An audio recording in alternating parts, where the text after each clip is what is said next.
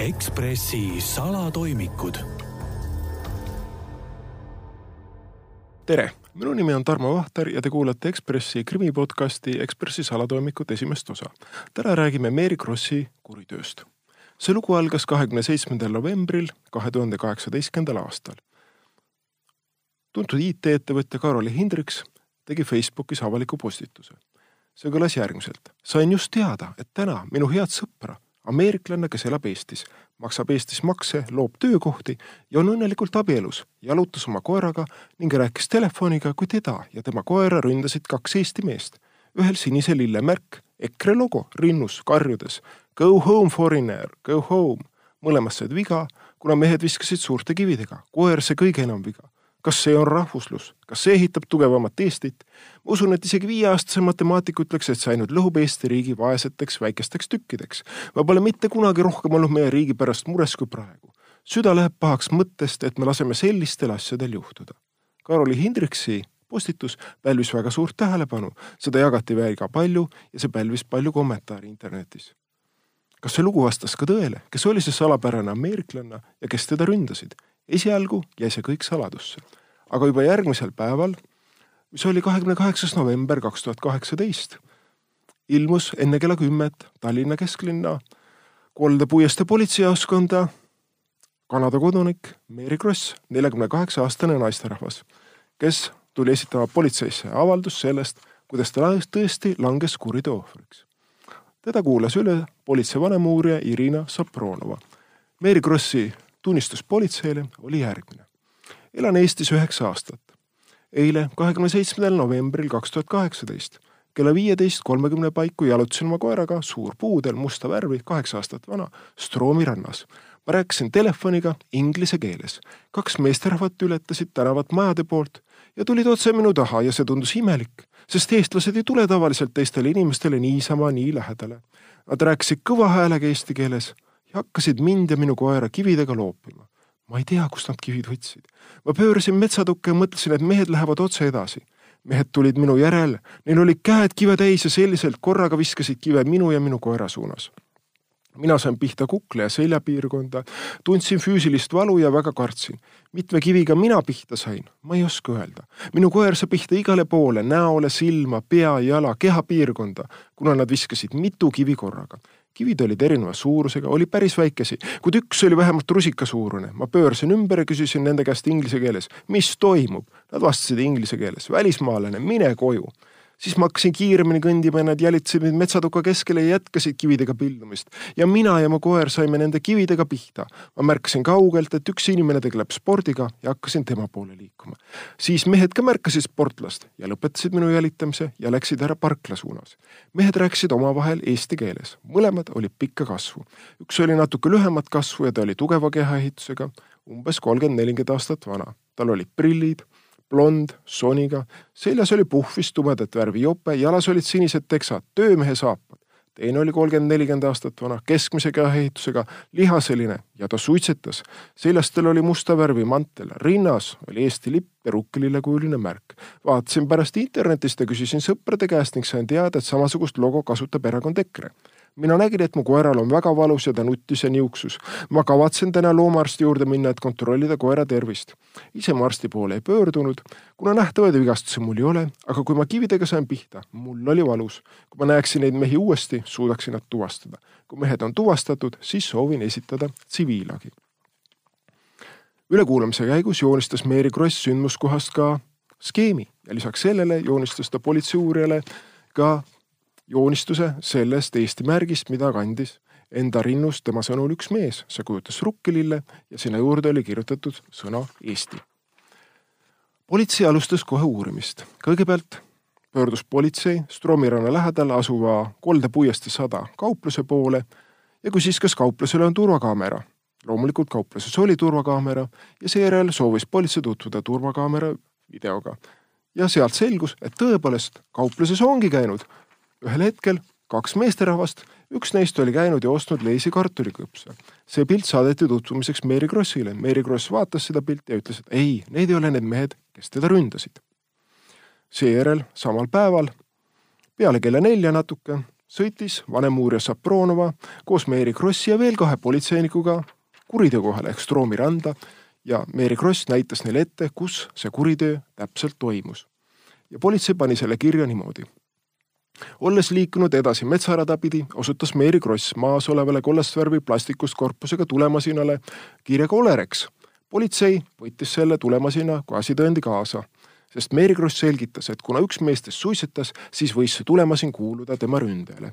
edasi liikudes osutas Mary Kross metsarajal maas olevale väiksemat sorti killustikule, mis oli ühte kohta koondunud ja ütles, et nende kividega võisid meesterahvad teda ja koera visata. Politsei korjas maast üles kakskümmend kolm väikest kivikest ja võttis need asitõenditena kaasa, et neid edasi uurida. seejärel läksid nad veel edasi. kui nad olid jõudnud metsapargi raja äärde, siis näitas Mary Kross maas kahele suitsukonile ja selgitas, et kuna üks meestest suitsetas, siis võisid need maas olevad kaks suitsukoni kuuluda sellele ründele. politsei võttis mõlemad konid koha pealt kaasa, et neid samuti edasi uurida. selle vestluse käigus tegi Mary Kross ka politseinikele üllatava avalduse, mis muutis tema varasemat tunnistust. kui politseinikud küsisid, millal see asi täpselt juhtum, siis ütles Mary Kross et eh, see ei olnudki mitte viisteist kolmkümmend, nagu ta oli enne rääkinud ülekuulamisel, vaid et see pidi olema kolmteist kolmkümmend ehk kaks tundi varem. Miks ta nii rääkis? sellepärast, et ta oli rääkinud telefonis oma abikaasa, tuntud Riigikogu liikme Eerik-Niiles Krossiga, aga Eerik-Niiles Kross ei olnud mitte Eestis, vaid oli Gruusias, aga Gruusiaga on Eestis ajavahe kaks tundi. ehk sellest siis oli juhtunud selline eksitus kui politsei veel küsis, miks Mary Kross kohe pärast rünnakut politsei poole ei pöördunud, vastas Mary Kross, et oli šokis juhtunust. et ta ei teadnud politsei numbrit Eestis ning ei olnud kindel, kas ta üldse peab politseisse pöörduma või mitte. alles hiljem koju tulles ning sõprade ja tuttavatega suheldes pöördus ta politseisse nende soovitusel. kui politsei küsis, kas tal võib olla muhk peas või teisi vigastusi, vastas Mary Kross eitavalt ja ütles, et tema kandis sooja pakse riideid ja sellest vigastusi ei jäänud. kas vigastusi võis olla koeral? Sellel vastas Mary Kross, et koeral siinikaid ei ole, kuna koer on karvane, aga tal on vigastus silma lähedal põsel ja homme pöördub ta loomaarsti poole, et vigastused kindlaks teha. sellega oli peaaegu lõppenud uurimise esimese päev. kuigi tööaeg oli läbi, saatis politsei veel pärast kella viit Mary Krossile lingi EKRE meeleavaldusest tehtud fotoreportaažile ja küsis, kas sellel meeleavaldusel Toompea lossi ees võib äkki olla need kaks meest, kes teda ründasid. Mary Kross vastas, ma vaatasin mõlemat videomaterjali linki, mida te saatsite. ma ei näe seal kedagi, kes näeksid välja nagu need kaks meest, keda ma kirjeldasin või nägin. tänan teid tähelepanu eest ja abi eest selles asjas. ma loodan, et see oli ainult üksikjuhtum purjus kuttidega, millega pole midagi teha. ma kavatsen nüüdsest oma koera jalutada koos sõbraga ja kui ma peaksin neid jälle nägema, siis ma hoiatan hoian teie telefoni oma mobiilis ja kindlasti helistan otsekohe politseisse. veel päris hilja peale kella kümmet õhtul saatis Mary Kross politseile emailitsi veel ühe teate. palun, ma ei ole huvitatud absoluutselt mitte mingist meediast, ma ei taha olla osa mingisugusest meediast ja palun teil hoida minu identiteeti täiesti privaatsena, ma ei soovi millessegi poliitilisse segatud olla. tänan teid. sellega oli lõppenud uurimise esimese päev, esimene päev. uurimine teine päev algas kahekümne üheksandal novembril kaks tuhat kaheksateist. kell kaks ilmus Mary Kross uuesti kesklinna politseijaoskonda talle juba tuttava politseiuurija Irina Sopronovi juurde. Mary Krossil oli kaasas tema koer, must puudel. politseinik vaatas koera üle, ei leidnud sealt vigastusi, aga leidis, et tõesti koera näo juures on üks kärn. see pildistati ülesse, millest see kärn oli tehtud, seda politseinik hinnata ei osanud, aga ta oli selle tuvastanud. lisaks kuulas politseinik Sopronova Mary Krossi uuesti üle, sest Mary Kross oli eelmisel päeval õhtul muutnud seda kellaaega, millal väidetav rünnak toimus ja politseinik tahtis selle kohta täpsemalt teada saada. ja Mary Kross ütles politseinik Sapronole järgmist. kinnitan varem antud ütlusi ja täpsustan, et varem ma ütlesin, et mehed viskasid kivi minu ja minu koera suunas. kahekümne seitsmendal novembril kell viisteist kolmkümmend, kuna ma rääkisin telefonis abikaasaga, kes asus Gruusias ja küsis mis kell on? abikaasa vastas mulle, et kell on viisteist kolmkümmend ja mulle jäi meelde, et viisteist kolmkümmend. pärast ma avastasin, et tegelikult Eestis oli kell kolmteist kolmkümmend, kuna Gruusiaga on ajavahe kaks tundi. Mary Krossil olid veel mõned täpsustused ründajate kohta, ta ütles. samuti võin täpsustada, et mehe nägu, kes oli blond, oli ümmarguste prillidega. ma ei saa rohkem täpsustada, sest rohkem ma ei märganud. teise mehe kohta esitas ta sellise täpsustuse. teise mehe nägu, kellel seljas oli mantel ja rinnas oli Eesti lipp, oli eestipärane, tal on sinised silmad, hele nahk, habet polnud, suusamüts peas. lisaks ütles Mary Kross politseinik Sapronovele ka seda, et ta siiski ei läinud loomaga koeraarsti juurde, sest looma vigastused olid tema meelest väikesed. sellega lõppes teine ülekuulamine. samal päeval, nagu neljapäeviti ikka, toimus Vabariigi Valitsuse pressikonverents. Peaminister Jüri Ratast ei olnud kohal ja teda asendas peaministri asetäitjana kultuuriminister Indrek Saar. ja Indrek Saarel oli Mary Krossiga juhtunu kohta küll midagi öelda. kuulame seda, mida ta ütles. sest jalgadega pekstakse sinimustvalgete all, naisterahvaid loobitakse kividega, rinnas rukkiline märk. ja kui kõlavad üleskutsed kedagi üles puua, nimetatakse seda rahvakunstiks. rusikapoliitika tähendab, et siit edasi ei ole minna mitte kuhugi. sest see tähendab, et me kõik vastutame selle tekkimise ja vohamise eest. lõpuks meie kõik. ja kui me ei märka, kui me ei seisa vastu, kui me ei ütle, kui me ei takista, kui me ei tee selgeks, et Eesti rahvas tähendab rahvast, kes räägib või laulab, mitte ei peksa, siis on rusikapoliitika võitnud. samal ajal jätkas aga politsei kurjategijate otsimist. üks võimalus selleks, mida politsei kasutas, oli see, et ta võttis välja sideteenuste andmed, mis toimusid siis telefonikõned kella ühe kuni kella kahe vahel Stroomirõnna kandis. ja politsei sai need andmed kätte ja sai teada, et Mary Krossi telefoniga seal piirkonnas sellel kellaajal kõnesid ei ole tehtud. see oli kahtlemata üllatus. teine üllatus, mis selgus, oli see, et äh, Mary Krossi autot ei olnud ümbruskonna valvekaameratest näha, et see oleks seal sõitnud. mida sellises olukorras edasi teha, politsei hakkas koguma täiendavaid tõendeid ja nüüd tehti juba uus andmepäring ja paluti välja võtta kõik Mary Krossi kahe telefoninumbriga, millest üks on Eestis registreeritud ja teine USA-s, kõik telefonikõned, mis olid tehtud kahekümne seitsmendal novembril kaks tuhat kaheksateist, kui toimus tema väidetav ründamine. politsei jäi need andmed ootama.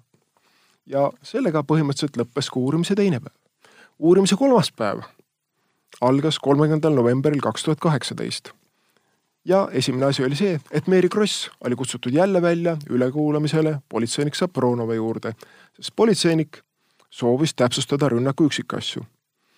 ta näitas talle ka fotosid ja Mary Krossi jutt pandi põhimõtteliselt kirja järgmiselt. Olles vaadanud mulle esitatud isikute fotosid, kinnitan, et prillidega isikul on valed prillid ning ta on liiga noor. teisel fotol oleval isikul on vale müts, ühel mind rünnanud isikul olid mustad botased, teisel olid töösaapad olen neid tunnuseid juba varem kirjeldanud. kahekümne seitsmendal novembril kaks tuhat kaheksateist sõitsin koeraga jalutama minnes politseijaoskonnast mööda kolda puiesteed. Äh, koer istub autos tavaliselt eesistmel. kui ma läksin koeraga jalutama, siis enne seda käisin Balti jaama turul. koer oli minuga kaasas. ma ei usu, et keegi mind oleks jälitanud. konflikte mul kellegagi ei ole olnud. ma arvan, et kui need inimesed oleks teadnud, kes on mu abikaasa, siis ei oleks nad seda minuga teinud. nii ütles Mary Kross enda ründajate kohta. Mary Krossi jutu järgi oli teda rünnatud sel ajal, kui ta oli rääkinud oma abikaasaga. nüüd täpsustas ta seda. Ja tema jutt oli nüüd järgmine. sel ajal, kui isikud mind ründasid, ma enam mehega ei rääkinud. kõigepealt rääkisime abikaasaga, siis ei toimunud midagi. siis ma rääkisin Sergioga, ta on tuttav arhitekt, kes teeb Eestis äriprojekti, elab Portugalis. kui need isikud mulle lähemale hakkasid jõudma, siis ma lõpetasin kõne ära. ei usu, et Sergio midagi kuulis. võin üle küsida väljas oli somburi ilm, kuid ei olnud pime. ma ei karjunud appi, inimesi lähedal ei olnud, ma kartsin, et võivad mu koerale liiga teha. kui oleksin üksi olnud, siis oleksin teisiti käitunud. kartsin, et nad löövad koera jalaga. pärast rünnakut ma läksin sportiva mehe poole, siis läksin tagasi oma auto juurde, istusin autosse, sõitsin politseijaoskonnast mööda ning sõitsin otse koju. kui olin koju jõudnud, siis helistasin kohe oma mehele, nutsin rääkisin talle, mis oli juhtunud. ta ütles, et ma pean kindlasti politseisse avalduse tegema. ma ütlesin, et kohe ma kindlasti ei lähe avaldust tegema, kuna koer oli endast väljas. mees ütles, et siis läheksin hommikul politseisse. kuna ma ei olnud viga saanud, siis arvasin, et ei pea politseisse pöörduma.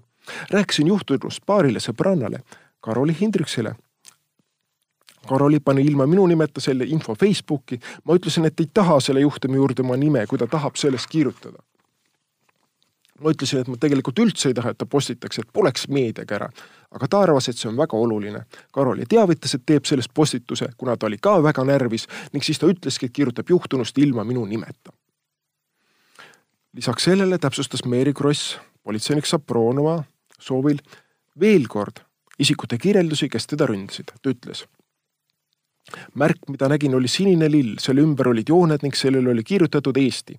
arvasin, et tegu on mingi sõjaväemärgiga. pulga otsas lipp oli taskus, task oli lukuga, task oli kinni. märk oli samal pool, kus oli lipp taskus, see oli paremal pool. politseinik Sapronova küsis, kas olete kindel, et see oli sama märk, mis videol, ta pidas silmas EKRE logo Mary Kross vastas, olen selles täiesti sada protsenti kindel. märkasin, et sinna oli kirjutatud üks sõna, Eesti, kuid mis seal veel oli, ma ei jõudnud märgata. ja ta ütles veel ründajate kohta, ma ei näinud, nad ei näinud välja kui inimesed, kes võiksid olla poliitikud. Nad ei näinud välja kui olulised inimesed, pigem kui suvalised isikud, mitte poliitikaga seotud isikud. teisel mind rünnanud isikul ei olnud mingit märki. sellega lõppes Mary Krossi kolmas ülekuulamine, aga veel samal päeval, uurimise kolmandal päeval kutsus politseinik Sapronova Mary Krossi uuesti, nüüd juba neljandat korda ülekuulamisele. selle põhjus oli see, et Mary Krossi jutt oli nii segaseks muutunud, et politseinik soovis saada selgust, mis siis tegelikult toimus. ja nüüd tuli Mary Kross välja hoopis uue versiooniga. ja ta rääkis sellest, soovin täpsustada, et see rünnak ei toimunud mitte kolmteist kolmkümmend, vaid see toimus kahekümne seitsmendal novembril kaks tuhat kaheksateist peale kella üht-teist neljakümmet viite. ta ütles, ma rääkisin oma abikaasaga Stroomi rannapargis kell üksteist nelikümmend viis ja lõpetasin kõne. minut pärast seda mind rünnati. seepeale küsis politseinik Sapronova, miks te näitasite mulle varem telefonis kõnet, mis toimus ligi kaks tundi hiljem ehk kolmteist kolmekümne ajal ning kinnitasite, et rünnak toimus just siis. ja Mary Kross vastas, eksisin ja näitasin vale aega seega kallaletung toimus kahekümne seitsmendal novembril kaks tuhat kaheksateist, minut pärast kella üht-teist neljakümne viit. viibisin rannas sel päeval kokku umbes kümme minutit. pärast juhtunut kiirustasin kohe autosse ja jõudsin koju viie minutiga. sellega lõppes Mary Krossi neljas ülekuulamine. politsei oli mõne päevaga saanud aru sellest, et Mary Krossi tegelikult sel päeval Stroomi rannas ei olnud seda kinnitasid sideandmed, mis näitasid, et sealt ei ole võetud tema telefoniga telefonikõnesid. ei ole ka tema telefonile seal vastatud sisse tulevatele kõnedele. samuti kinnitasid seda lähedased turvakaamerad, kust ei olnud näha, et Mary Krossi Mercedes oleks sealkandis ringi sõitnud. mida siis sellises olukorras teha? detsembri alguses soovis politseinik Sapronova Mary Krossiga uuesti rääkida. ta helistas talle kolmandal detsembril korduvalt kell üks, kell kolmteist kolmkümmend kolm, kell kolmteist nelikümmend üks, kell kolmteist viiskümmend, kell neliteist viiskümmend, aga Mary Kross telefonile ei vastanud. seejärel saatis politseinik Sapronova talle SMS-i ilmuda järgmisel päeval ehk neljandal detsembril kaks tuhat kaheksateist uuele, nüüd juba viiendale ülekuulamisele lõpuks helistas Mary Kross politseinikule tagasi ja teatas, et ta ei saa politseisse tulla, kuna kiireloomuliste äritehingute tõttu oli ta sunnitud Eestist lahkuma New Yorki. lahkunud oli ta Eestist juba kolmanda detsembri kaks tuhat kaheksateist õhtul. ja ta ütles ka hiljem politseile, et enne märtsi algust ta Eestisse tagasi ei tule. see tähendas seda, et asi jäi ootele, sest politsei ei saanud teda üle kuulata ja esitada talle uusi küsimusi viies Mary Krossi ülekuulamine toimus lõpuks käesoleval aastal, viiendal märtsil kaks tuhat üheksateist. sellel ülekuulamisel esitas politseinik Sapronova Mary Krossile kahtlustuse kuriteos ehk täpsemalt politseile valeütluste andmises. ja ta ütles talle, kas te olete toime pannud kuriteo, milles teid kahtlustatakse? Mary Kross vastas, ei ole. politseinik Sapronova pärimise peale ütles Mary Kross veel järgmist esitatud kahtlustuse kohta ma antud hetkel ütlusi anda ei soovi ning kasutan oma seadusest tulenevat õigust neid mitte anda. rohkem Mary Kross politseile midagi ei öelnud. kõik asitõendid olid politseil olemas ja nüüd pidi prokuratuur otsustama, mida selle asjaga peale hakata. ja see lahendus sai käesoleva aasta sügisel Harju maakohtus olema selline, et prokuratuur saatis kohtule teate et äh, pooldab asja lahendamist oportuniteedi korras see tähendab seda, et Mary Krossi kuriteo üle kohtulikku uurimist läbi ei viida, kriminaalasi lõpetatakse, tal jääb ainult kohustus maksta kolm tuhat eurot riigikassasse ja põhimõtteliselt see oligi kogu lugu. tekib muidugi küsimus, miks selline lahendus? kuulame kõigepealt, mida ütleb Mary Krossi kaitsja, vandeadvokaat Oliver Nääs. Kaitsjana loomulikult ma nõustusin prokuratuuri ettepanekuga äh, see menetlus lõpetada äh, avaliku menetluse huvi puudumise tõttu, äh, sest täiemahulist kohtupidamist me ei pidanud selles asjas vajalikuks.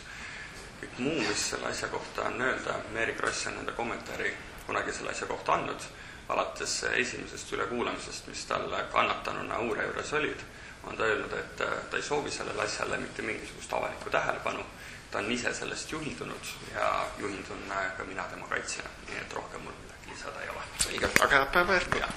kohe pärast äh, kohtuistungit oli Eesti Ekspressil võimalus vestelda ringkonnaprokurör Ülle Jaanholdiga, kellega tehtud intervjuud saab kuulata praegu. tere Eesti Ekspressist, ma küsiks, äh, kuidas te jõudsite, jõudsite otsusele, et selline lahendus on selle asja lõpetamiseks kõige otstarbekam?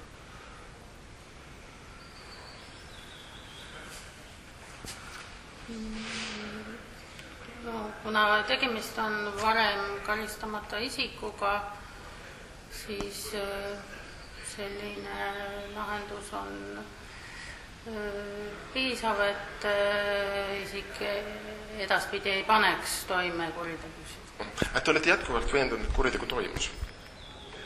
jah, seda küll. aga mis võis olla siis Mary Krossi motiiv, et ta valetas äh, sellise rünnaku kohta, seostades seda poliitilise olukorraga? tema motiive me lõplikult ei tea, sest selle kohta ta ei ole selgitusi andnud. Ju tal oli mingisugused isiklikud põhjused. Äh, kas te ise ka kohtusite selle uurimise käigus Mary Krossiga? ei, mina ei ole temaga kohtunud. Äh, okei, selge Äh, see lõpetati paragrahviga kakssada kaks, mis räägib sellest, et avalik huvi puudub. Ähm, samas sellise, selle konkreetse kuriteo suhtes äh, on olnud äh, väga suur avalik huvi ühiskonnas. kuidas see nagu läheb sellise õiglustunnetusega kokku? See avalik huvi on pigem olnud Mary Krossi isiku suhtes, ma arvan. okei okay., mitte selle kuriteo suhtes? jah aga ehk te ütlete, see avalik huvi on olnud pigem Mary Krossi isiku suhtes, aga mitte selle konkreetse kuriteo suhtes, mille ta sooritas. saan ma õieti aru? jah, ma arvan nii. okei okay,, selge, aga ma tänan teid ja soovin teile head päeva jätku. Loomulikult jäävad avalikkuse jaoks tänasel päeval vastamata tõsised küsimused. miks Mary Kross politseile niimoodi valetas? miks ta tuli välja looga sellest, et teda ründasid EKRE märki kandnud mees ja tema sõber. miks ta rääkis sellest, et neid loobiti kividega, teda ja tema koera? mis võis olla Mary Krossi motiiv? tema ise seda seletanud ei ole. on loomulikult ka veel küsimusi. Kas Mary Kross soovis mõjutada Riigikogu valimisi sellega, kas ta soovis tekitada mingit poliitilist ažiotaaži? kas ta mõtles kogu selle asja üksi välja või võis tal olla kaasosalisi või mõttekaaslasi? aga sellele me ei oska täna vastata, sellepärast et Mary Kross seda ise seletanud ei ole, kohut tema üle ei peetud ja need küsimused jäävadki vastuseta. mida võib öelda moraaliks, on see, et Eesti Vabariigi uue peaprokuröri kandidaat on Andres Parmas, tänane Tallinna ringkonnakohtunik, kes on avaldanud avalikult kahetsust, et Mary Krossi juhtum niimoodi lõppes. ja härra Parmas on öelnud seda, et Mary Krossi asjas oleks kindlasti pidanud toimuma avalik kohtupidamine ja ta oleks tulnud mõista vastavalt asitõenditele, kas õigeks või süüdi aga see, et sellisest kohtupidamisest loobuti, selle kohta on öelnud Andres Parmas seda, et jutt sellest, et puudus avalik huvi, see on vale. ja sellega võimegi selle loo hetkel lõpetada kahjuks. Ekspressi salatoimikud